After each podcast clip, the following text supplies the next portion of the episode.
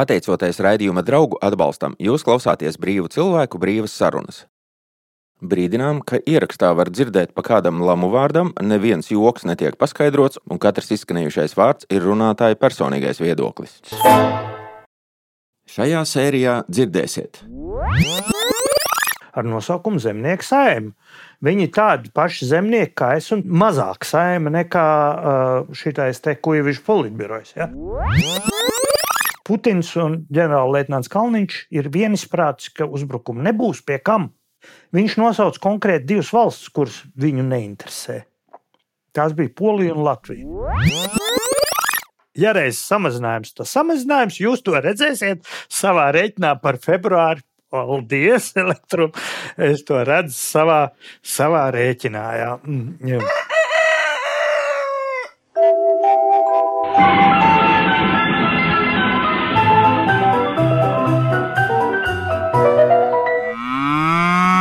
Jautājumi īsti provinces. Ja? jā, jautājumi no provinces. Dzintris un Mārcis dzīvo laukos, bet nevar palikt vienaldzīgi pret valstī notiekošo.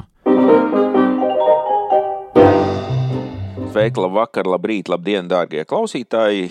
Jūsu telefona aparātos raidījums jautājums no provinces. Mēģināsim pajautāt, vai gadījumā nav noticis brīnums un dzintris nav atgriezies priekšlaicīgi.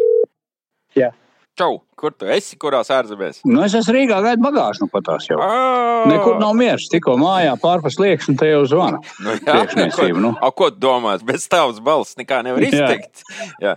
Bet tu esi laimīgi nolaidies Rīgas lidostā. Un, Nu, jā, jā, jā, cer- laimīgi. No plus 39 grādiem, kas te tagad ir nulle, vai es vēl tā īsti neesmu aprāvies, vēl kaut kur čemodānu bišķi pagaidīsim, jā.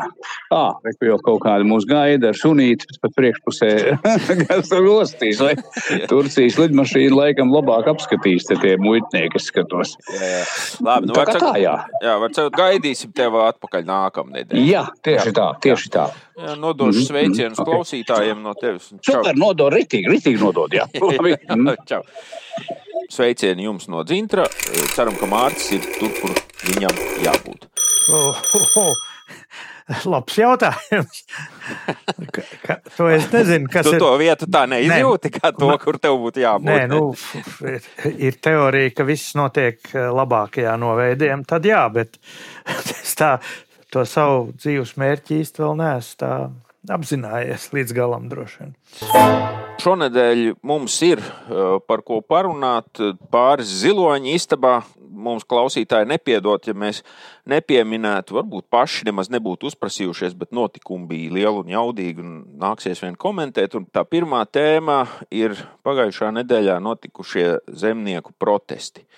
Man pat šo vārdu nedaudz nērti lietot. Kāpēc nērti to dzirdēsiet? Droši vien mūsu apspriešanā. Bet tas, kas man eh, pievērsa uzmanību šajos protestos, bija divas lietas. Kā tie bija ārkārtīgi labi organizēti, disciplinēti, tādi pilnīgi tā kā Korejas skolnieki vai Japāņu skolnieces. Viņi tur izpildījās glītās rindiņās. Un otrs, ka bija ārkārtīgi laba eh, publicitāte eh, sabiedriskajos mēdījos oficiāli atbalstoši un zibenīgi tajā pašā vakarā, un gari sižeti, un viss ir labi, un visiem tā saka, nu, kaut skolotājiem šī te būtu paveicies ar viņu gājieniem. Vai tev vēl kas cits iekrīt acīs šos te notikumus vai traktorus vērojot?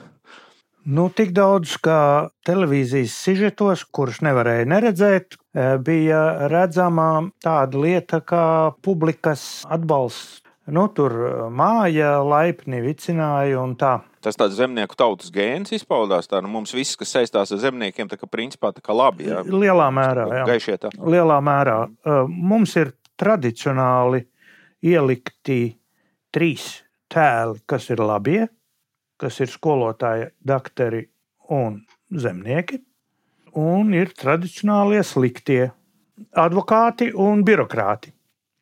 Tā ir tradīcija, kurai nav nu, jāmeklē kaut kādi baigie izskaidrojumi. Vienkārši jāpieņem, ka tas tā ir. Nu, ka, piemēram, ka latviešiem patīk hokejs. Nu, kas man padaļ? Nu, patīk viņiem. Nu. Jā, starp mūsu raidījumu klausītājiem arī ir zemnieki, un es dažus uh, sameklēju un palūdzu izteikties. Te gan uzreiz ir jāsaka, ka uh, šie te, kuri runā, nav tie zemnieki, kuri bija protestā.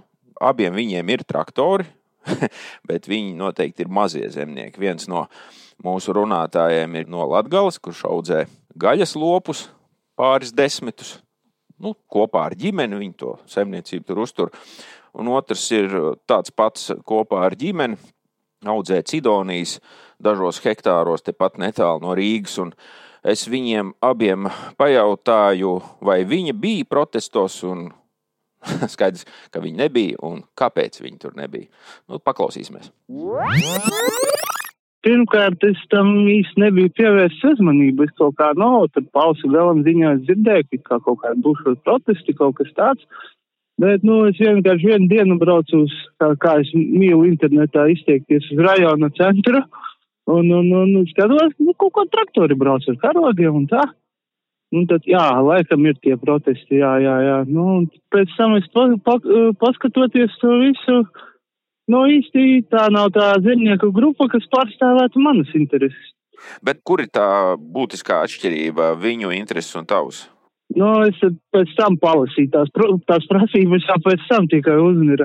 Man likās, viņi izdomāja protestu, un tagad viņiem vajag ātri kaut kā izdomāt arī prasības, ko viņiem prasīja. un, nu, un, un beigās es sapratu, viņi aizbrauca kaut kur tur pilsētas nomalē pie kaut kāda graudu apstrādes centra, visi sastājās aplītī, un, un viņi tur protestēties. Nu, kas tas kaut kāds protests, es nezinu, kas par protestu. Arī no tām, no tām intervijām, ziņās no tiem zemniekiem, es tā sapratu, ka viņi īsti pat nesaprot, kāpēc viņi tagad ir atbraukuši. Viņi kaut kādus tādus lozungus, tādus saukļus kaut kādus izsauc un, un, un viss. Mēs tev atbraucām, nav, no, tagad kaut kas tagad būs, kaut ko mums vajag. Mm. Nu, to visu organizē tās uh, lielo lauksiemnieku, tās lobby organizācijas, kas tur zemnieku saimas, lauspiem, tam līdzīgi tie kaut kādi lielzemnieki, pamatā graudaudzētāji, un, un, un kur tas rodās, tas pamats tiem protestiem, nu, varbūt tas eh, arī kā Eiropā notiek šobrīd, kā ir tur pamatā lauksaimnieku organizācijas lielās, nu, tas ir vairāk, nu, arī starp lauksaimniekiem ir savi oligarhi, teiksim, un viņi varbūt mēģina, tā teikt, parādīt savu svaru pret ministru, vai vispār, es nezinu, kaut kādā konspiratīvā teorija, kaut ko tur šūpo valdību vai kaut, vai kaut kāds, nu, tur politiskais backgrounds tam visam ir, nu, tā kaut kā.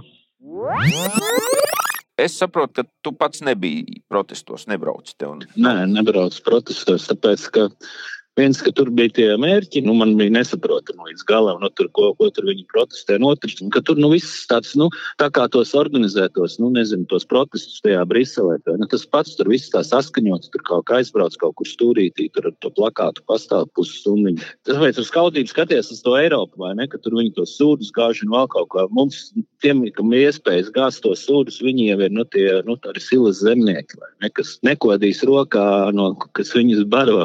Ne, tur, līdz ar to tādus mēs nekad, es domāju, nesagaidīsim mūsu dzīvē protestus.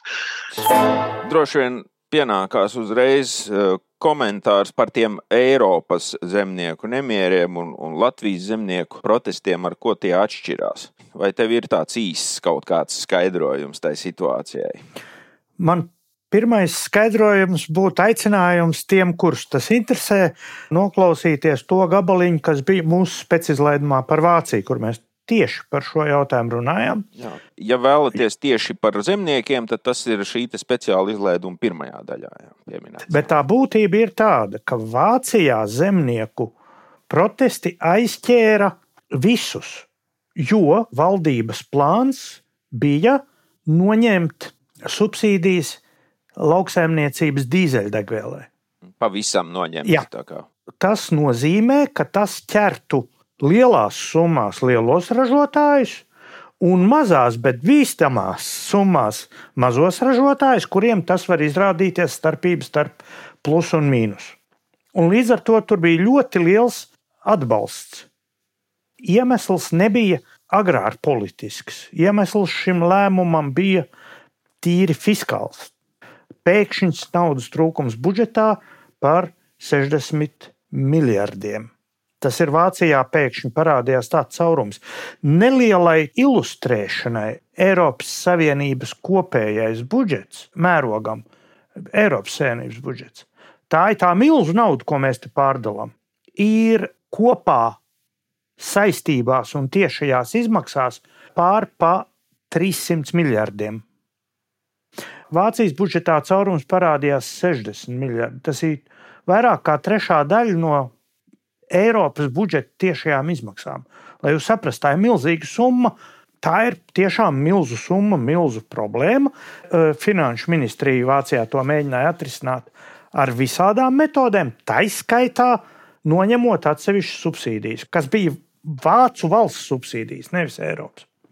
Bet kā vāciešiem tas iznāca beig, beigās, vai ir kaut kāds rezultāts visam tam, ko, ko zemnieki tur vai tu esi dzirdējis, ka tur kaut kā tas ir pielēmts? Es zinu, ka viņi pagājušajā nedēļā balsoja budžetu, bet es, ja godīgi sakot, tā, tā kā man vairāk interesē militārais budžets un tur būtisku izmaiņu nav, tad es dusmās izslēdzu, sakot, jo Vācija, neraugoties uz saviem ārkārtīgi apņēmīgajiem pagājušā gada paziņojumiem, viņi nav sasnieguši pusi no tā līmeņa, ko no viņiem varētu gribēt.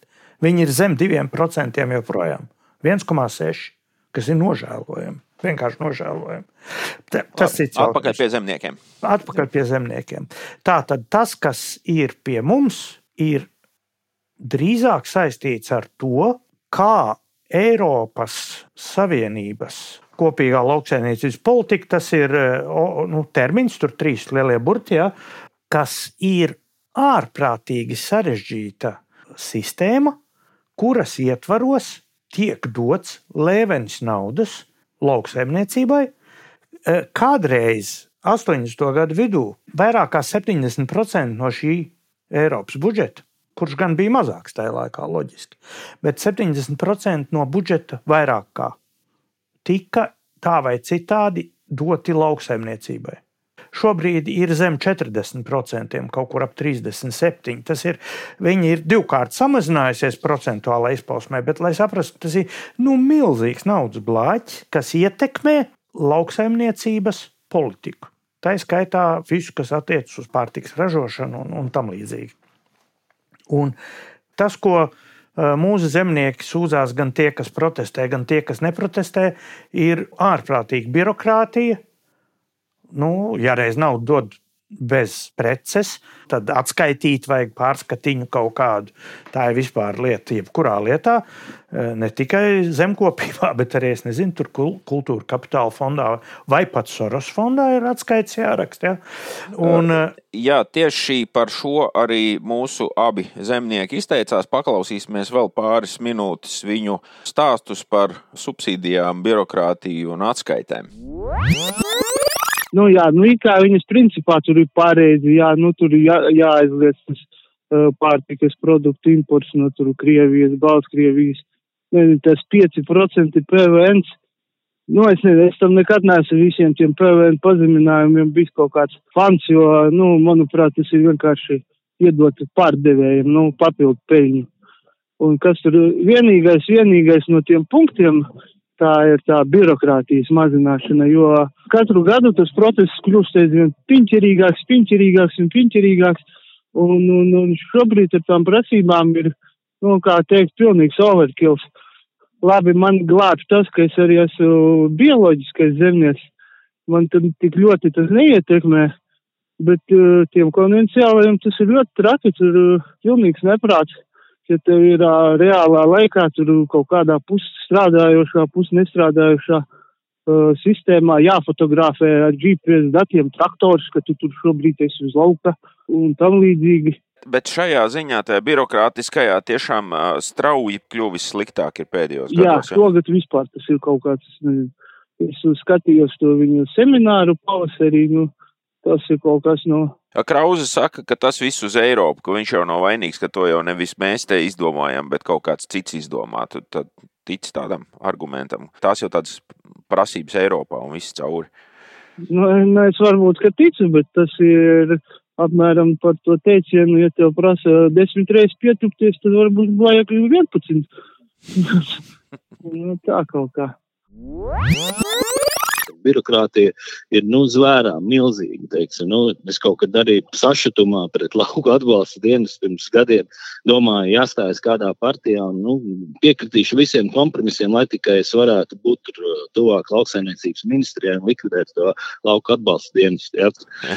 Un, jo nu, reāli nu, viņi nu, traucē tā. Un, nu, jā, tā birokrātija, kas tagad ir izveidota, nu, tāda milzīga datu bāze, kas ir jā, nu, par katru sūdu vai pirdienu, ko tu dari, ar kādu tehniku, ko tu darīji, kāpēc viss jāfotografē ar GPS. Un, nu, Pagājušajā gadā tā sistēma bija uztaisīta tik glukaina, ka tur vispār neko nevarēja izdarīt.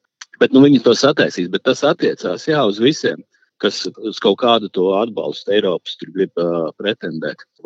Šitais ir nu, tāds milzīgs nu, kontrols mehānisms. Ja tu viņā ielīdīsi iekšā, nu, tad tev ir. Uh, faktiski kirdīgs tev būs. Nu, agrāk vai vēlāk tev ir piežmīgs. Tur nu, tev nu, kontrolēs. Tur, nu, jo, nu, labi, mēs mazie esam nu, pie sitieniem pieraduši. Mēs varbūt tur izdzīvosim bez tām atbalstām programmām. Lielie, kuriem iespējams tie traktori visi ir uz kredītiem paņemti, tur nu, viņus riktīgi manipulējami. Tad būs, tad, redz, kur ja tu nedarīsi tā, tad uh, tev uzliks vēl atmaksāt kaut ko, kas tev tur ir iepriekš maksāts. Jo, nu.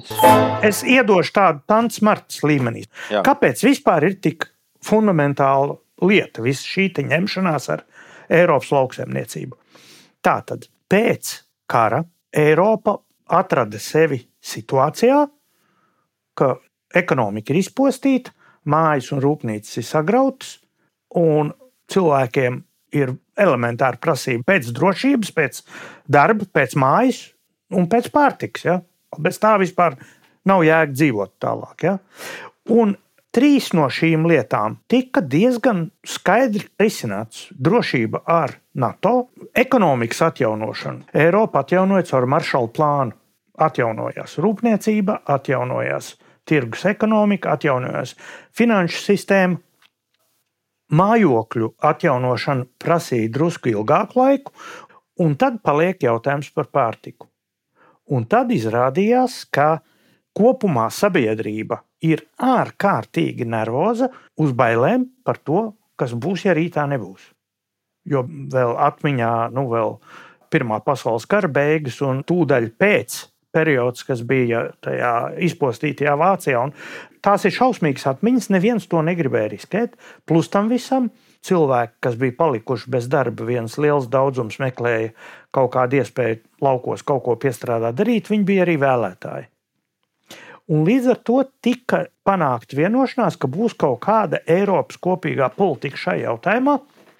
Kā rezultātā beigu beigās Francija piekrita atvērt savu tirgu vācu industriālajai produkcijai, Vācija piekrita Eiropas kopīgai lauksaimniecības politikai, kur galvenie saņēmēji, labuma saņēmēji, bija francūži. Tā bija nu, tā primitīvi Marta Stāns līmenī tā notikuma gaita. Un tad izrādās, ka tā problēma tagad ir tāda, ka tas ir viss daudzkārt sarežģījies, ka to saņēmēju. Un. Bezgalīgi, jo kādreiz tas bija vairāk tā kā muitu politika. Tā no vienas puses subsīdijas, lai ražotu vairāk, un pēc tam, pēc kādiem gadiem, 10, 20, bija jātaisa otrādi politika, lai ražotu mazāk, jo efektivitāte pieaug un saražotās pārtikas kļuva par daudz. Un tad bija jāveido politika, kā atpirkt, tas ir iejaukties tirgus cenās. Viss tas kopumā izraisa galu galā cenu kāpumu un milzīgu tirgus izkropļojumu. Jo nekas vairs no tā, kas tiek ražots, pēc būtības netiek pirkts un pārdots par tirgus cenu. Visur ir iekšā kaut kāda veida subsīdijas. Tas ir, šis tirgus nav brīvs tirgus, viņš neatbilst ne tikai brīvi, viņš neatbilst īsti arī mēreni regulētu tirgus izskatam. Un kamēr šī situācija tāda turpināsies, un kamēr būs subsīdijas, tikmēr būs viņu dalītāji un būs viņu pārbaudītāji. Tas citādi nav iespējams. Šī visa smagnējā vai vienkārši monstrozā birokrātija ir tāpēc, ka nauda tiek dāvināta. Skaidrs, ka viņi grib skatīties līdzi, un vēl bez tā viņi tur grib pakontrolēt un kaut ko pieregulēt. Un tas Nē, un arī ietekmēt, ir... lai elektorāts uh, būtu apmierināts. Tāpat laikā. Un tā kā tie spēlētāji šobrīd ir ļoti dažādi, tur Polijas un Francijas intereses atšķirās, viņiem droši vien ir pilnīgi pretējas intereses. Katras valsts tiem zemniekiem ir savas problēmas. Ja? Mēs redzējām, ka tie traktori ir arī Briseles ielās, Nīderlandes vai Holandes eh, fermeri brauc katram tur savu problēmu. Tiem pašiem poļiem ar viņu traktoriem pie Ukrainas robežas ir pavisam cita problēma. Viņi cīnās pret lētajiem no Ukraiņas ievestajiem graudiem. Visi tie ir zemnieku protesti, bet katram no viņiem ir pilnīgi cits iemesls, pilnīgi cita situācija. Vācijas tie protestiem bija tā unikālā komponente, ka viņiem visiem bija tas eh, dīzeļdegvielas. Bet tikko paņem no to atšķirības starp Bavārijas un Holsteinas vai Meklenburgas zemnieku ir lielāka kā starp poļu un vācu zemnieku iekšēji. Faktiski tas pats Francijā. Tur ir vīnu ražojošas saimniecības ar zemi nu, 10 hektāru, 12 hektāru. Tāda gabaliņa tur mēdz būt. Ja? Un turpat pretī ir 1000 hektāru saimniecības. Skaidrs, ka tur nevar būt vienādas tās intereses, un šī kopīgā lauksaimniecības politika iedomājas, ka varēs to izbalansēt. Galu galā tas sadārdzinājums nāk no pašas uzraudzības sistēmas. Nevelti viens no uh, mūsu tātad šiem te korespondentiem, ja var teikt, šī raidījuma uh, teica, ka labākais, ko varētu izdarīt, ir nospridzināt to uh, ladu. Ja? Kāpēc? Nu, nu, es neesmu zemnieks, man nekāda naida pret uh, konkrētu ladu nav, bet pret to kopējo sistēmu ir skaidrs, ka man kā brīvi tirgus apoloģētam šis viss ir vienkārši pretīgi, nēdīgi, bīstami distancē. Jo tas diezgan bezcerīgi viss ir. Tu kā zemnieks vispār kaut kādus atbalstus saņem? Vai, vai es saņemu, es saņēmu platību maksājumus, un tad es kaut kādā attīstības projektā pieteicos, un to es saņēmu. Uh, Bet uh, es neesmu pārliecināts, vai es tagad turpināšu to darīt šogad, vai jo, nu, tas, kas tev ir jādara tajā sistēmā, viņš neatsver. Nu, tikai tāpēc, ka, nu, ja, ja tāds ir pieejams, kāpēc ne, vai ne? Tur, bet, bet tā, principā, tas iegūms ir nu, tāds baigi mazs visu laiku bija, un ja tagad ir tāds čakars, tad tev ir nu, pabāžas zem tādas lupas apakšā, no rieksta izdarīt slikti, tad, nu, tad nav viņš, nav, nav viņš foršs tur vairāk. Tu palīdzību ar citu mainījies kaut kad pirms pāris gadiem. Bija nu, lauksaimniecības ministrija taisīja to seminārus tādus, ka nu, šito nākošo plānošanas periodu, kas tur ir mainīts. Un, ka visu laiku bija kaut kādas tādas grantu programmas vai ne, nu, tādas atbalsts kaut kādai attīstībai. Bija kaut kāda nauda, uz ko tu varēji pretendēt, vai ne, kas bija nu, tāda neatgriežamā nauda. Ne, bet tajā seminārā tas stāstīja, ka uz nākošo periodu, ka principā vairāk tādas nav, ka tur tā palīdzība ir nu, kaut kādos kredītos, vai ne? Kad uzkrāt ierautajos kredītu tajā visā sistēmā. Tur. Teiksim, tādam mazam tur jebkurš atbalsts, piemēram, man tā akcijas, tā degviela, vai ne, tur manai saimniecībai tur baigi daudz nevajag. Tur, nu, gan jau lielie saimnieki tur nedēļā notērē to, ko man gadam piešķir. Pagājušajā gadā nepiešķīra, pateica, ka, nu, es esmu grūtībās nonācis tur tas zemnieks, ne, un viss, es nedabūju, es tur, nu, benzīnu tā kā parastajā pirktu to degvielu traktoru. Uz gadu gan jau kādus 500 eiro es tur pakāsu varbūt, bet nu, tāpatās, nu, ja, nu, visi, visi mazumiņi skaitās kopā ja būtu nevis daži lieli zemnieki, ja, bet daudz mazu. Tā, kad tu tur 70 hektāru vai kāda ģimene strādā, un tā jau nav, ka jūs tikai savai iztikšanai jūs pārdodat gaļu, un tas ir bizness. Bet vai tavuprāt, tā daudzu mazo zemnieku sistēma būtu dzīvotspējīga bez kaut kādas valsts iejaukšanās un palīdzēšanas, vai tas vispār ir reāli? Tas tīri nu, no tādas uh, tautsēmniecības strateģiskā viedokļa būtu pareizāk Jo, jo, jo, jo nu labi, tie graukoki, tas ir ļoti efektīvs tas biznes, tu tur var milzīgas teritorijas apsaimniekot ar pēcīgu tehniku un masu darbiniekiem, bet tieši jau tagad mēs tur visi kliedzam, lai tur skolas sāc un nav infrastruktūras un ceļu, un kā, nu, ja tur pamatā tajos laukos būtu tās 100, 200, 300 hektāru saimniecības, ja lauki būtu daudzreiz apdzīvotāki un varbūt un tās ģimenes veidot to populāciju un, un tā demogrāfija būtu labāka un tur kaut kādas, nu, varbūt ne tik daudz tās skolas, bet viņas paliktu, un kāds tur rūpētos par to infrastruktūru. Un... Bet tu pats strādājot kā zemnieks, tu tici, ka tā varētu būt? Nu, tas tā jau tagad, man, manuprāt, jau ir utopija, jau tas ir nokavēts tas brīdis. Tagad viss jau ies aizvien plašāk un, un, un tie lauki tukšosies, es domāju, aizvien vairāk. Vismaz Latvijā tas ir, man liekas, jau cauri. Nākotnē nešķiet pārāk rožaina arī pašiem zemniekiem, bet pabeidzot šo tēmu, varbūt vēl pēdējais vārds Mārcis tas, Jurko, sākumā teica, cik brīnišķīgi, jauki saorganizēti bija, kā saka, kā šitās karsē meitenes viss, ja, vingroja kājas cilādam, ja. Tāpēc, ka šo organizēja nepārprotami nemaskēti vienas jomas, ļoti labas lobby organizācijas, ja, kuras sev ir vēl cits starpā paņēmušas nu, nosaukums, kas vedina domāt, ka viņi vispār kaut kādi tautas kalpi, tautas gribas izpaudēji un, un piedāvām ar kaut kādu tautas dot leģitimitāti ar nosaukumu zemnieku saima. Viņi tādi paši zemnieki kā es, un mazāk saima nekā šitais te kuģivišķi politbirojas. Ja? Tā ir nemaskēta vienas industrijas ļoti turīgu cilvēku lobbyis. Tur tāds zem miljonu neviens vispār pie balsošanas netiek.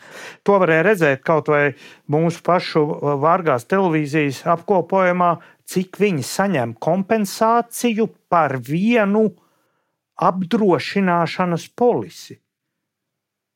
Un tie skaitļi ir 100 tūkstoši un 200 tūkstoši turpat vienā. Nevis kompensācija par zaudējumiem, bet kompensācija par pašu par pirkšanu, polisi. par pašu polisi. Par pašu polisi. Ja? ja kādreiz tur bija laikam 70%, tāda 50% tā kompensācija ir. Tas nozīmē, ka tā pati polise, ja viņai 200 kompensē tūkstoši, tad pati polise ir 400 tūkstoši. Tas ir, viņš nomaksā 400 tūkstošu apdrošināšanas maksu par kaut ko, kas visticamāk nu, nevar būt, ka viņa polisi ir vērtīgāka par viņu ienākumu. Ja? Es gribētu teikt, tur vajadzētu būt cik koeficientām? 1 pret 10, 1 pret 20, kaut kam tādam. Ja? Tas ir miljonāru protests pret kaut ko. Vārdu sakot, mīļie klausītāji, neņemiet ļaunā, ka latviešu mīļais eh, tēls zemnieki tika pakļauti šai skarbējai kritikai. Gaidām no mūsu klausītājiem lielzemniekiem sašutumu vētru par šo te raidījumu un ejam tālāk. Mīļie draugi! Aicinu spirdzinošā pārgājienā pa kontrabandistu takām Kuivižu pusē. Čāposim pa maz staigātiem jūras, mežu un purvāļu nostūriem. Stāsti, fakti, leģendas un joki. Pēcgalā karsta zupa, ceptas reņģes un vietējo labumu mikrotirdziņš. Piesakies pārgājienam manos Facebook un Twitter profilos. Būs forši! Es zinu, ka tu gribēji pieminēt pagājušā nedēļā notikušu un varbūt ierindas klausītājiem garām paslīdējušu notikumu, šo ierosinājumu vai runāšanu par uh, lielo valsts kontrolē esošo uzņēmumu kotēšanu biržā. Varbūt Mārcis pastāst, kāpēc tas ir svarīgi un kur tur ir āķis. Sāksim ar to, ka trešdienas rītā, kad jūs šo klausāties, eh, vairums ticīgi kristieši ir pelnu trešdiena, ir sācies gavēnis. Otradien, 13. februārī, ministra kabinets strateģiskās vadības tematiskajā komitejā, kas jau šķiet, es atkārtošu vēl vienreiz, ministra kabinets strateģiskās vadības tematiskajā komitejā, nu, ir plānots skatīt finanšu ministrijas ziņojumu par valstī piedarošiem uzņēmumiem, kuru akcijas daļēji varētu kotēt biržā. Kaut gan arī Latvijas kapitāla tirgus formā daudz un pārliecinoši tika runāts par valsts uzņēmumiem, kapitāla tirgus realitātē iespēja vēl šogad ieraudzīt, tur nav īpaši liela un tā. Kas tas ir? Es atkārtošu. Pēdējo divu valdību deklarācijās, Kariņa valdības deklarācijā diezgan, pirmajā diezgan miglaini, nevarēja saprast, otrajā īsi cieti, bet arī nevarēja saprast tieši, kas tur būs. Siliņas valdības deklarācijā ir rakstīts 30. punkts. Turpināsim attīstīt ar Baltijas valstīm konkurētspējīgu kapitāla tirgu, lai attālinātu publisko personu kapitāla sabiedrības no politiskās ietekmes un piesaistītu investīcijām nepieciešamo kapitālu, mazākuma akciju daļu no tirgus orientētām publisko personu kapitāla sabiedrībām, kotēsim biržā, kā arī ieviesīsim labas pārvaldības principus un mazināsim ierēdniecības pārstāvību. Latvijas lūdzu. Latvijas. Latviski, šito vajag latviski. Jā, nu tās iepriekšējo divu valdību deklarācijas es varēju latviešu pārtulkot tikai tā, kaut kāda blēdība tur ir. Es nevaru saprast, kādu. Nu pat viņi ir tik ilgi kasījušies, vīkšījušies, ka nu pat ir skaidrs. Šo valdību veido trīs partijas, katrai ar savu nepārprotamu, precīzu interesu virzienu, kur pārējie divi piekrīt tam vienam. Progresīvajiem tā bija visa tā likumdošana saistīta, kas viņiem bija ļoti svarīga elektorāli. Neatkārtosim tur Stambulas konvenciju un kas tur vēl mums bija. Un tas viņiem ļoti svarīgi, tas viņiem ir izdevies. Zemnieku savienībai svarīgs bija tikai viens punkts, lai Lembergam noiet atpakaļ cietumā un uz tā pamata viņa ar mieru. Ne tikai savus vēlētājus tēvu māju pārdot un krauzi atdot savus uh, stropus lāčiem, visus, kā tikai tas notiktu. Viņiem ar tas ir izdevies praktiski pagaidām. Pagaidām ir, jā. pagaidām ir. Pagaidām ir tur tāds. Valdība stabila. Valdība, valdība tā kā ekt. Un tā tad mums ir eh, vienotība, kurai ir šitais. Pamatā uzkrītoši redzams, ka šo te kotēšanu ārkārtīgi atbalsta, slavina, es teiktu, nu, nu, Brežņeva laiks atgādinošā sajūsmā, bet nevis uzņēmumi, kuriem šis viss varētu būt par labu, jo tur ir kapitāla piesaiste, ne? un nevis politiķi, ka mēs te tagad tur vadīsim tā. Bet tie bija vērtspapīra tirgotāji, brokeri nu, un, un visi šitie. Jo viņi saka, tirgus stagnē, nu, proti, rebis neiet. Un ka vajag nu, dzīt uz priekšu. Un ir skaidri redzama cilvēku grupa, te mēs runājam par eh, virkni lietuviešu privāto uzņēmumu interesēm, Nu, tas ir vairāk baumu līmenī, bet dzirdēts ir pietiekoši jau konkrēti. Un te man ir jāpaskaidro, kur tīšprātīgi un ļaunprātīgi iespējams tiek saputrotas divas no skata līdzīgas lietas. Proti, akciju kotēšana un akciju emisija. Tā tad ir fondu biržas, kurās tiek tirgoti vērtspapīri, kas ir īpašuma daļas. Ja kādam uzņēmumam iet labi, tad katra viņa daļa kļūst vērtīgāka, un kāds, kas grib viņu pirkt, ir mieru maksāt vairāk, un kāds, kurš grib iegūt no tā peļņu, viņu ņem un pārdod. Pašas akcijas atrodas tirgus apgrozībā, citi pērk, citi pārdod, pa vidam brokeru pelna. Tā ir kotēšana. Šajā es atkārtošu vēl vienreiz, tad lai attālinātu publisko personu kapitāla sabiedrības no politiskās ietekmes un piesaistītu investīcijām nepieciešamo kapitālu. Deklarācija saka. Šajā procesā, kuru es tagad aprakstīju, kapitāls nekādi netiek piesaistīts, jo šis kapitāls pieder tiem, kas viņu pērk un pārdod. Tāds piemērs, nu, pieņemsim uzņēmums, nezinu, tur Zaķu salas tramvajs. Privāts uzņēmums, viņā ir simts daļas viņš nonāk biržā. Šīs daļas var pirkt un pārdot. Un šis īpašnieks patur sev 80 daļas, un 10 daļas nopērk es, un 10 daļas nopērk Juris. Un man vienā brīdī apnīk, un es saku, man šķiet, ka tas zaķu salas tramvajs nav diezkas. Juris beigais optimists, viņš saka, nē, klausies, dod šurp, es nopērku. Biržā notiek darījums, es esmu desmit daļas pārdevis, Juris ir desmit daļas nopircis. Tagad lielajam īpašniekam ir 80, Jurim ir 20 daļas. Cik uzņēmumam pieaug kapitāls no šī investīcijām pieejamais? Necik, tur nekas nav mainījies. Ja? Tā tad, ja fiksētas daļas grozās pa biržu, citi vinnē, citi zaudē no īpašniekiem, brokeri vinnē vienmēr. Nu, tas ir normāli. Tas, kur rodas kapitāls, ir akciju emisija tas Zaķisāls tramvajs, saka, ka viņi taisīs arī uz Lucau savu kuģīti palaidīs. un ka viņi emitē vēl simts akcijas un palaiž tās biržā. Jautājums, kas viņas nopērk? Tam, kurš tās simts daļas nopērk, būs 50% kontrole. Pārējiem mums ar Jurkam bija pat desmit. Tās desmit daļas jau paliek uz rokas, viņas jau neatņem neviens. Tikai viņas ir nevis 10 no 100, bet 10 no 200. Mums pēkšņi tikai 5% no uzņēmuma. Tātad veids, kādā tiek piesaistīts kapitāls, ir akciju emisija. Akciju emisija atšķaida pārējo īpašnieku kapitāla daļu. Un līdz ar to visi šie apgalvojumi, ka mēs tur pārdosim tur 30% ne vairāk, ko tas nozīmē? Ka valdība aizlāpīs budžeta caurumus kaut kādus, vienkārši pārdos. Nu, teiksim, pārdod 30% no Latvijas energo. Jo viņi jau to naudu nekur citur, kā budžetā, faktiski nevar ielikt. Valdība nevar. Vēl vairāk viņi, viņi nevar ielikt budžeta izdevumos. Tekošos izdevumus nedrīkst finansēt no ārkārtas ieņēmumiem.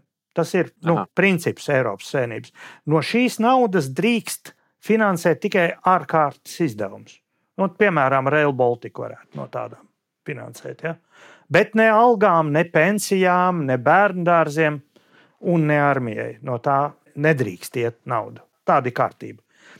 Tātad, ja grib tam uzņēmumam palielināt, piesaistīt kapitālu, viņam ir jāemitē tās akcijas. Caur ko tie 30%, kuri ir izpārdoti, kļūst par 15%.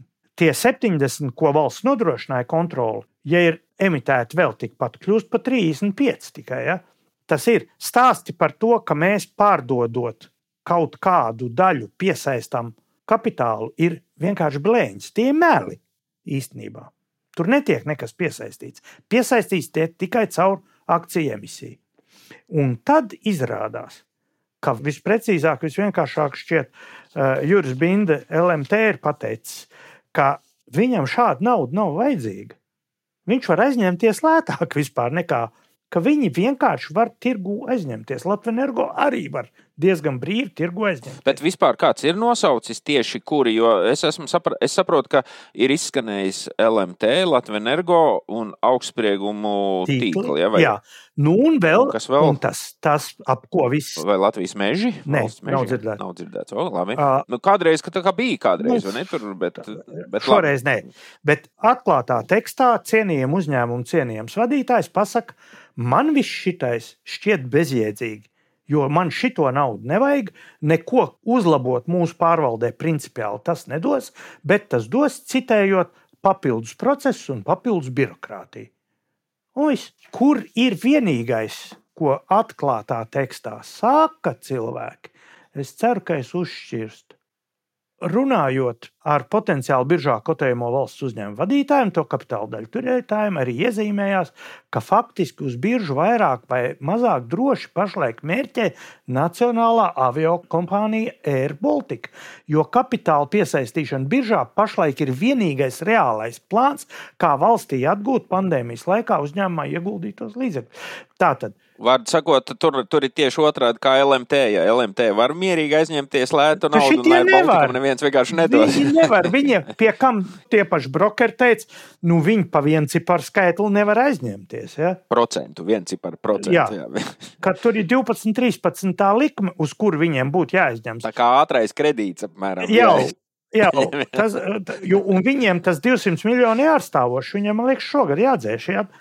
Bet atpakaļ pie tā sākuma. Tu teici, vienotības plāns. Kāds plāns ir? Kur, kur kam tas ir izdevīgi? Tas ir izdevīgi atsevišķai personu grupai. Jā. Nevis vienotībai nu, kā partijai. Nepār, tas diezgan, kas, ka viņi rīko visādas komisijas un pasākumus un Es atvainojos, es šo nevaru iemācīties. Tematiskās paneļas. Strateģiskās vadības tematiskajā komitejā kaut ko skatīt, kur atkal sanāks brokeri, kur teiks, ka tir, tirgus stagnē un mums vajag kaut ko darīt, un tur citi bubinās, jā, vajag, vajag kaut ko darīt, un kaut kur fonā būs kaut kāds lēšs investors, kurš grib pārņemt tās Latvijas daļas, kas fīrē LMT, lai, lai to visu nogrūst kaut kādai bitē. Ja? Tas ir tas, tā būtība. Nu, un kāds mums, parastajiem iedzīvotājiem, no tā ļaunums? Nu, mēs, mēs atmaksāsim tos 200 miljonus. Jā, mēs vairs nebūsim vienkārši dārgie klausītāji, mēs būsim ļoti dārgie klausītāji. Nu. Bet beig, beigās kaut kādā veidā tas viss tiks uzkrauts uz, uz budžetu. Ja neatrodas citi investori, kas pārņem šīs obligācijas, ja nav pārfinansēšanas veida, tad jā, visticamāk mēs Mhm. Droši vien mēģināsim pasakot šiem notikumiem. Iespējams, ka tajos uzņēmumos ir pietiekami vareni cilvēki, viņi var kaut kā to visu tur sabremzēt. Nu, ja, ja jutīsim, ka zem tā deķa kaut kas notiek, un mums varbūt kāds uh, piespēlēs, varbūt arī kādu bildīti, kas uzņem zem tā deķa, tad droši vien paziņosim saviem klausītājiem kādā no nākamajām sērijām. Ejam tālāk. 234, 77, 667, brīvais telefons mūsu studijā uzdod mums jautājumus vai ziņo par nebūšanām savā provincē. Gaidīsim no tevis zvanu, izziņu vai WhatsApp. Brīvais telefons 234 77 667. Pagājušās nedēļas pēdējās dienas pagāja Karlsonu nevis tā, kurš dzīvo uz jumta, bet tā, kurš brauc pie puķina ciemos zīmē publiskā telpa, Twitteris un televīzijas ņēmās atmaskot un skaidrot, ka Puķins saka vienu un domā otru. Vai, vai kā mēs šo nezinājām, kāds pārsteigums, kāds pārsteigums. Um, mums šķiet, ka par pašu Karlsona interviju un Puķinu, ko viņš tur saka un kāpēc viņš kaut kā otrādi domā, vispār droši vien nav nekādas jēgas runāt, jo tas ir tik vienkārši un banāli. Tas vispār nav pat uzmanības, kur no vēl apspriešanas vērts. Bet uh, tur ir dažas interesantas nianses, ja, ko tu uh, sakritības, teiksim tā, ko tu esi pamanījis. Es, es negribētu teikt, ka nav jēga. Ja skatās otro, trešo līmeni, kaut ko salīdzinu, tā tur ir virkne. Visādi interesanti secinājumi, kas nav mūsu raidījuma fokusā. Tā, ja? Jo nekā tāda būtiski jauna jau tur nav. Nu, tādu. Jā, es gribēju teikt, ka es, es pat pabrīnījos par to daudzumu cilvēku, kas ir piespieduši tās divas stundas sevi noskatīties. Es neesmu to starpā, es godīgi teiktu. jā, es arī ne. Es iztiku ar atreferējumiem. Un, un ir vēl tādi, kur pēc tam ir apmēram 22 stundas skatījušies visādus atmaskojumus, kā tur tas tur Ukraiņu vai Krievu blogeris tur atmaskoja šito to puķins, kā tur ne tā teica, un visādi rietumu politiķi. Tas tomēr robežojās ar kaut kādu mazohismu. Es šito nesaprotu, vai man tas ir pasmagu. Labi. Man iekrita acīs sensacionāla sakritība. Sensu... Jā, kā visi te stāsta, Puķins dūls, Puķins nojūdzies, tur pusstundu stāst par Hmeļņicka vēstulēm uh, un, un vēl nesko, ja? bet viņš tur pasaka atklātā tekstā, ko ģenerālleitnants Leonīds Kalniņš teica mums pirms divām nedēļām. Jau pirms. Saprotiet, kurš te ir gudrākais? Un ģenerālleitnants Leonīds, tie, kas nezina, ģenerālleitnants Leonīds Kalniņš ir eh, mūsu NBS komandieris. Ja, tāds ir tas tituls. Ja. Viszvaigžņotākais, nu viens no viszvaigžņotākajiem ģenerāļiem un komandieris skaidri un gaiši pateica, ka nav ko gatavoties karam. Pagājušā gada, eh, tas ir šī gada janvārī, jau bija ļoti spēcīgs NATO paziņojums ja, par to, ka ir jāgatavojas karam jo karš būs ar Krieviju. To eh, teica militārās komitejas priekšnieks, um, holandiešu admirālis Robs Bauers. Un to veselu rindu zviedru, britu un visi. Visi jā. saka, ka ir jāgatavojas karam. Un te es paņemu citātu, lai nebūtu pārpratumu. Jautājums vairāk rietumvalstu līderi, tostarp augstu rangu, ir izteikušas prognozes par iespējamu Krievijas uzbrukumu kādai NATO valstī, minot laika posmu. Kāds ir jūsu viedoklis? Es šādām prognozēm nepiekrītu, saka ģenerālleitnants Leonīds Kalniņš. Latvijas robežas aizsardzība ir jānodrošina, bet nevajag cilvēkus baidīt. Uzmanību. Tā ir būvēta mūsu aizsardzības stratēģija, lai aizsargātu Latvijas teritoriju no apdraudējuma. Es šeit iespraudīšu. Izcilais domas lidotājs Kariņš te teica, lai Eiropa liekās mierā, ka eh, Latvija pasargās no Krievijas, jo mums ir izsludināts uh, iesaukums. Cik tur ir tādi 300 cilvēki ir iesaukti? Ne, tagad būs laikam 800. Pirmā reize bija 500, un tagad laikam 300. Nu, Jā, no zem tūkstošiem, kurā Jā. gadījumā. Šobrīd. Bet 300 gabalu nevis 300 tūkstoši. Ja? Nu, tā. Jā. Jā. Bet nu, ar Kariņam viss kārtībā. Viņš tur ir salidojis līdz Filipīnu. Nē, Jamaikas. Jamaikas. Ārlietu ministrē un runā tādu, Kur, kur poliomilītu apvienošanas kārtībā ir arī tirzniecības ministra. Jo jau Jā. ka to ministru droši vien tieši trīs gabalā. Nu, labi, Jā. Nu, jā, tā tad NBS ir, es atgriežos pie citāta. NBS ir veikuši visus nepieciešamos sagatavošanās darbus, lai uzkrātu nepieciešamās rezerves, gan materiālās, gan cilvēku resursus. Urā!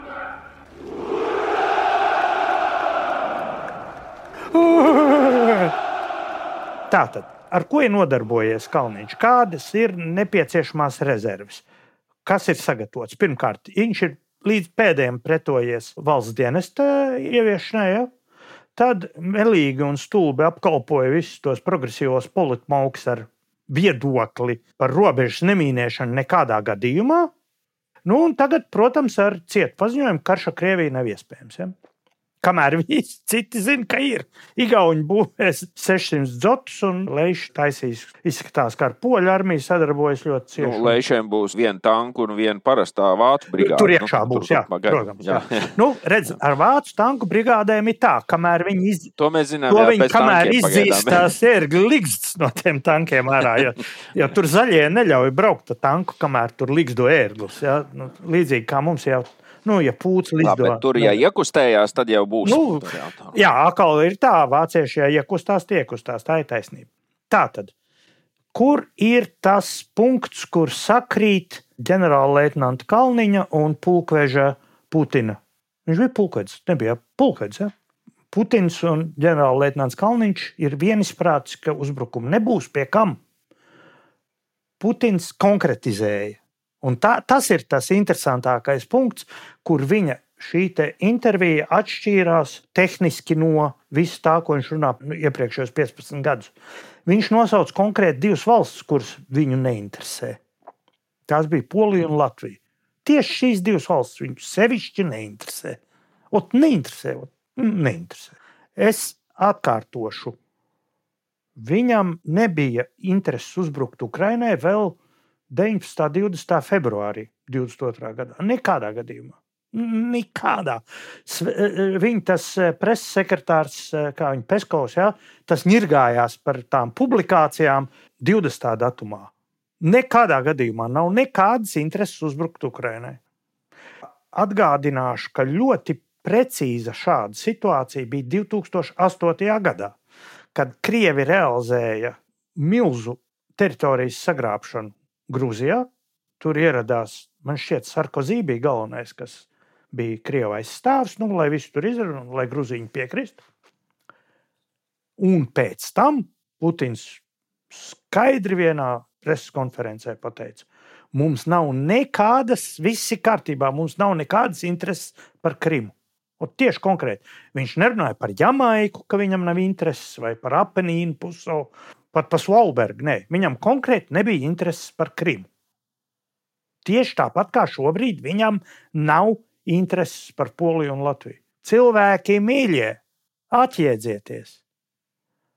Piektais pants, NATO piektais pants ir laba lieta. Viņš ir uh, juridiski dod iespēju citam citu aizstāvēt ar visu militāro spēku.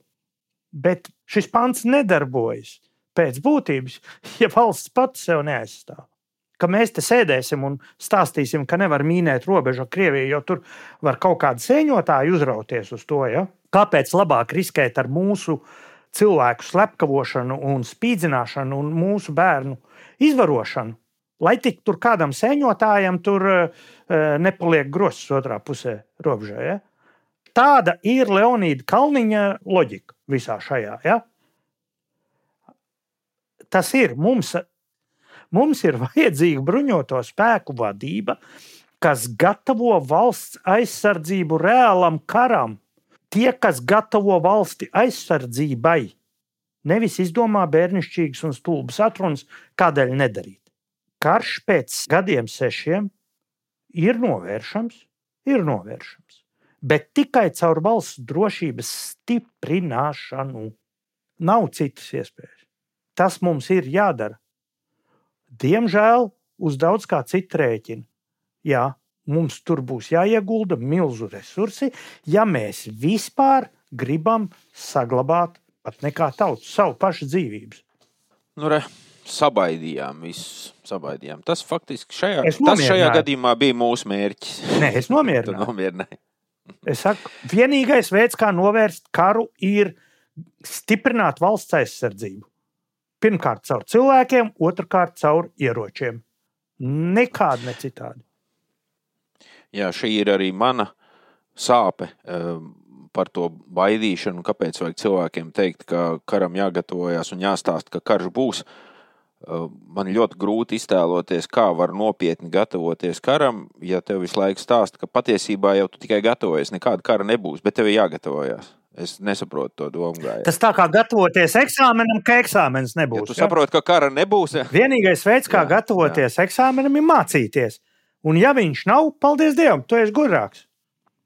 Un, ja viņš ir, tad tu viņu noliec. gatavosimies eksāmenam. Ejam tālāk. Mārci, eh, tu neesi zemnieks pilnīgi noteikti. Eh, Tu neesi pat vairs īsti laucinieks. Tu esi jau tā kā pilsētnieks šobrīd paaugstināts. Bet tev Es rudenī uzdā, aiz- atdāvināju prom savu zāles pļāvēju. Man bija. Vairs nav. Vairs nav. Eh, k- Komentāri par to, kāds bija Mārcis Zāles pļāvējs un cik viņš bija ļoti skaisti nelietots, to mēs izlaidīsim. Bet eh, tev tāpat kā zemniekiem mēdz pienākt elektrības rēķini. Tev tu esi kaut ko savā elektrības rēķinā saskatījis, kaut ko tādu, par ko tu varētu tā kā īsi noziņot. Man tāda prieka vēsts bija. Ja? Mēs te ģenerāli Kalniņu aplīgojām par to, ka viņš eh, ir vienās domās ar Putinu, bet eh, mūsu valdība bieži vien ir vienā terminoloģijā ar Krievu propagandu. Ja? Tā tad Evika Siliņa eh, brīnišķīgi pārņēmusi to tehnoloģiju. Viņa eh, pazemināja PVN dārziņiem no, no 5 uz 12. vai ne? Un tad Pas, pasis arī Un pases ir, no, tas ir procesā. no- Tur ir pazeminājums no, no 30 uz kādu 40, taču 50 droši vien būs. Nu, Jā. kaut kur tur. Pazeminājums procesā. Lūk, mani ir sasniedzis arī šāds pazeminājums. Uh, Elektrum jaunais lētāk. Atnāca tāda vēstulē, pastāv. Sveicināti, patiesi novērtēja. No, ak, Jēzus, es esmu tā kā liepainieks. ar- Patiesi novērtējam, ka arī 27. gadā esat kopā ar mums, turpinām rūpēties, dabasgāzes un tā tālāk, lai jūs uzzinātu laikus. No 24. gada 1. janvāra AS sadalījuma tīkls samazina sadalījuma sistēmas pakalpojumu tarifus īsumā par izmaiņām. Samazināts tiek gan fiksētais e, pamat un speciālais tarifu samazinājums. Tiks piemērots gan mājsaimniecībai, gan tarifu samazinājums jūsu elektrības rēķinā tiks piemērots automātiski. Tarifu izmaiņas redzēsiet rēķinā par janvāri, kuru saņemsiet februārī. Nu, tas brīdis ir klāt, un te nāk svarīgi. Piezīme svarīgi. Līdz ar izmaiņām sadalījuma sistēmas pakalpojumu tarifos no 1. janvāra mainās arī valsts piešķirtā atbalsta nosacījumi. No 23. Jā, tu gada jau 1. esi septembra līdz 31. decembrim maisaimniecībām spēkā bija valsts atbalsts. Tarifu fiksētajai daļai iekavās jaudas uzturēšanas maksai, iekavas ciet, tika piemērots maksas samazinājums 60% apmērā. Dārgie klausītāji, kā mums pietrūkst dzintara balss, kurā Jā. šo vajadzēja nolasīt? Jūs iztēlojaties, cik tas Tā būtu tad baudāmi. sistēmas pakalpojuma maksai mainās, valsts atbalsta princips un samazinājuma apjoms mainās. Te, te nesaka. Tā tad viņš tiek atcelts. Ja? Tā tad Tas ir labi. Tev mainās, tev, tev notiek samazinājums, un arī samazinājuma apjoms mainās. un Tas nozīmē, Ka vi- ka šie jā. procesi ir pretējos virzienos. Nē, nu, iet, nē, kopumā viss iet samazinājuma virzienā. Tikai gal galā tas elektrības rēķins ir drusciņš lielāks. Es nesaku, ka daudz, es te nesaukšu kaut kādu, kā tur bija tiem gāzes tarifiem, kur cilvēkiem tiešām izmisums bija, kur no, no 100 uz 400 kaut kāda leca un šī tāda, nu, ko tiešām cilvēks nevar. Man tur nav tās summas, nav tādas, un tur ir, nu, pāris, trīs eiro. Nu, man, man tas rēķins ļoti maziņš. Te. Bet tagad ir skaidrs, ka, ja reiz samazinājums, tas samazinājums, jūs to redzēsiet savā rēķinā par februāru. Paldies, elektrum. Es to redzu savā, savā rēķinā. Jā. Mm, jā. Ko jau apmaksāja? Un... Viss kārtībā. Bet šī ir nopietnāka lieta. Un es centīšos tāds marts stilā izstāstīt. Tātad problēma šeit ir nevis no paša elektruma darbības, problēma jau ir no tās valdības darbības, ka valdība pēkšņi kaut ko uz trīs mēnešiem atslēdz vai pārslēdz. Tas ne ar ko neatšķiras no tā, kā Puķins pieprasa samazināt cenu vistas gaļai, vai pagājušajā gadā, aizpagājušajā gadā, laikam tas bija pārtikas precēm, aizliedza paaugstināt cenas veikalā Lukašenko. Urā!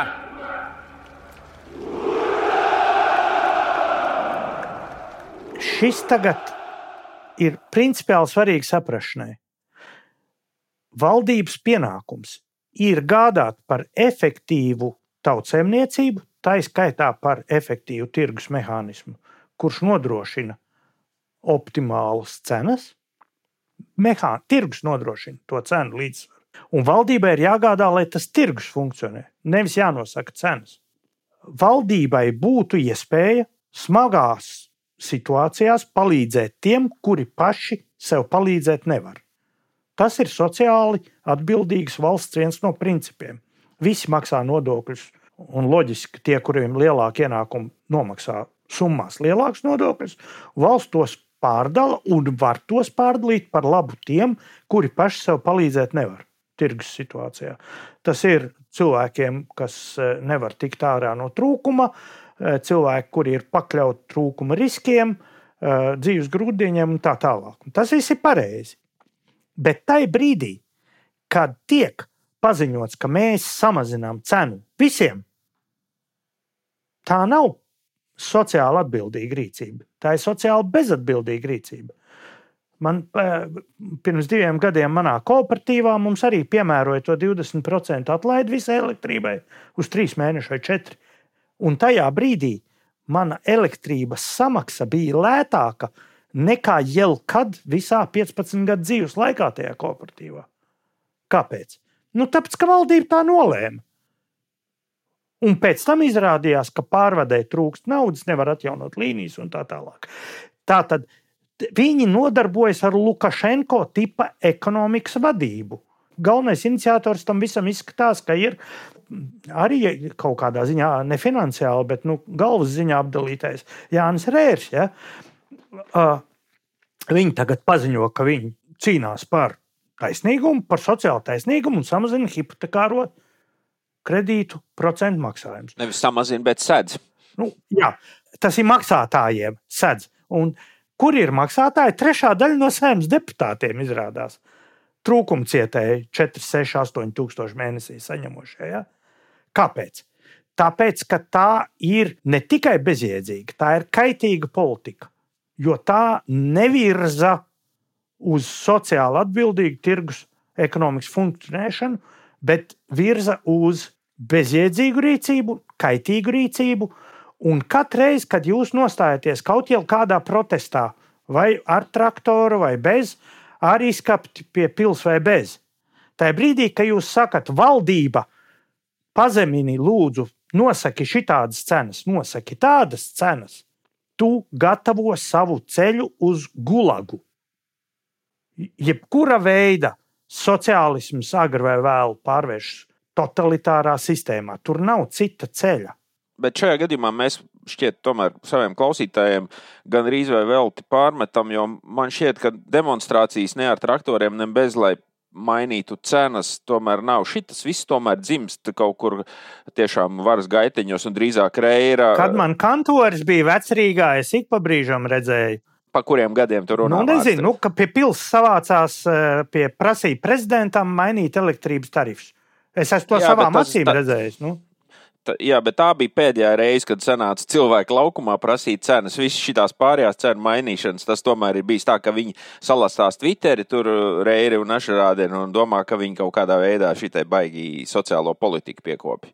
Te, te ir gandrīz vai tā, cilvēki to noteikti atbalsta, ka kaut kas kļūst lētāk vai viņiem kaut ko uzdāvina līdz tam brīdim, kad viņi saņem februāra rēķinu par elektrību. Nu, tad viņi atkal neatbalsta, bet nu, uz laukumu jau neiet. Tā cenu prasīšana, laikam, vispār mūsu uh, raidījumā ir vairāk kārt pieminēta kā tāds netikums. Un mēs vienmēr esam mēģinājuši novilkt to sarunu uz to, ka, ja jau kaut ko prasa, tad ir pavisam kaut kas cits jāprasa. Ir jāprasa e, cita politika, citi cilvēki vairāk, kuri savādāk domā un kuri var kaut ko mainīt. Tas ir tas, ko ir jēga prasīt. No šīs vai, vai jebkuras gandrīz citas valdības prasīt cenas vai maizi vai ko citu, tas ir nu, tā kara laikā varbūt var darīt. Bet, ja cilvēkiem tehniski nav ko ēst, ir pamats prasīt, man nav ko ēst. Jā, tas nav, ja, ja ir tādi apstākļi. Bet tādēļ valdībai nav jāsaka, ziniet, katrs dabūs pulciņu proporcionāli savai algai. Ja? Tie, kam minimāla alga, tiem iedos vienu bulciņu, un kam ir 8000, tiem iedos 16 bulciņus. Tas ir tas, ar ko nodarbojas valdība šobrīd.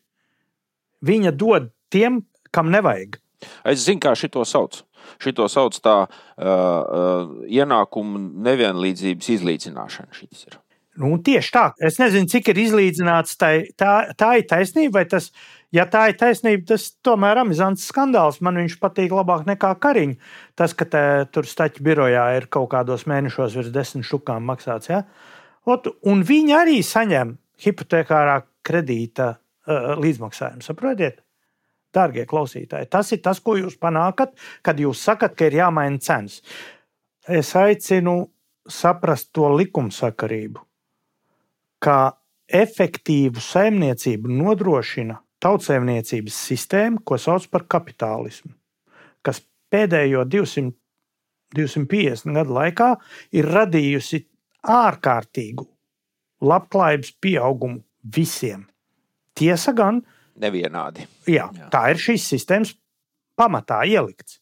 Kamēr sociālisms rada nabadzību visiem, izņemot pašiem pārvaldītājiem. No valdības ir jāprasa, lai tā stimulētu tirgu nevis regulētu cenas. Mums ir nepieciešams efektīvs tirgus, pie kuras, starp citu, pieder arī kapitāla tirgus, pa kur, uh, lai nebūtu tā, ka es te kritizēju eh, pašu principu. Bieži ir nepieciešama brīva tirgus sastāvdaļa, jo tā ātri nodrošina iespēju brīvai naudai tikt pie investīcijas iespējām. Bet valdībai tur nav jājaucas, jo nav sliktāka saimnieka par valdību. Skat Latvijas pasts. Jā, nu, Latvijas pasts bija tas spraugušais zilonis, kur mēs izlēmām neaiztikt. Es ar šķiet, to nedarīju. Ar pasti, jā, šķiet, ar Latvijas pastu visiem viss ir skaidrs. Tur nav nekas jāpaskaidro. Kā tur var padomē iekļūt? Tur ir vakants. Tas, tas man interesē. To interesē viņa pretendēja. Bet laikam jau viņam nav pienākusi nekāda uzaicinājuma iesūtīt savu CV. Labi, tas šajā sērijā arī viss. Vēl tikai tāds sīkums kā mūsu regulārā rubrika Jautājums no provinces. Jautājumi iz provinces. Jā, jā jautājums iz provinces. Piektdien, 9. februārī, tika atklāts būvlaukums Rīgas sestajam tiltam pār Daugavu, ko žurnālisti sarunas karstumā stādīja priekšā kā Rail Baltica pārvads. Tā kā Rail Baltica Daugavu šķērsos kaut kur pie Ikšķils, kā būtu jāsauc šis tilts?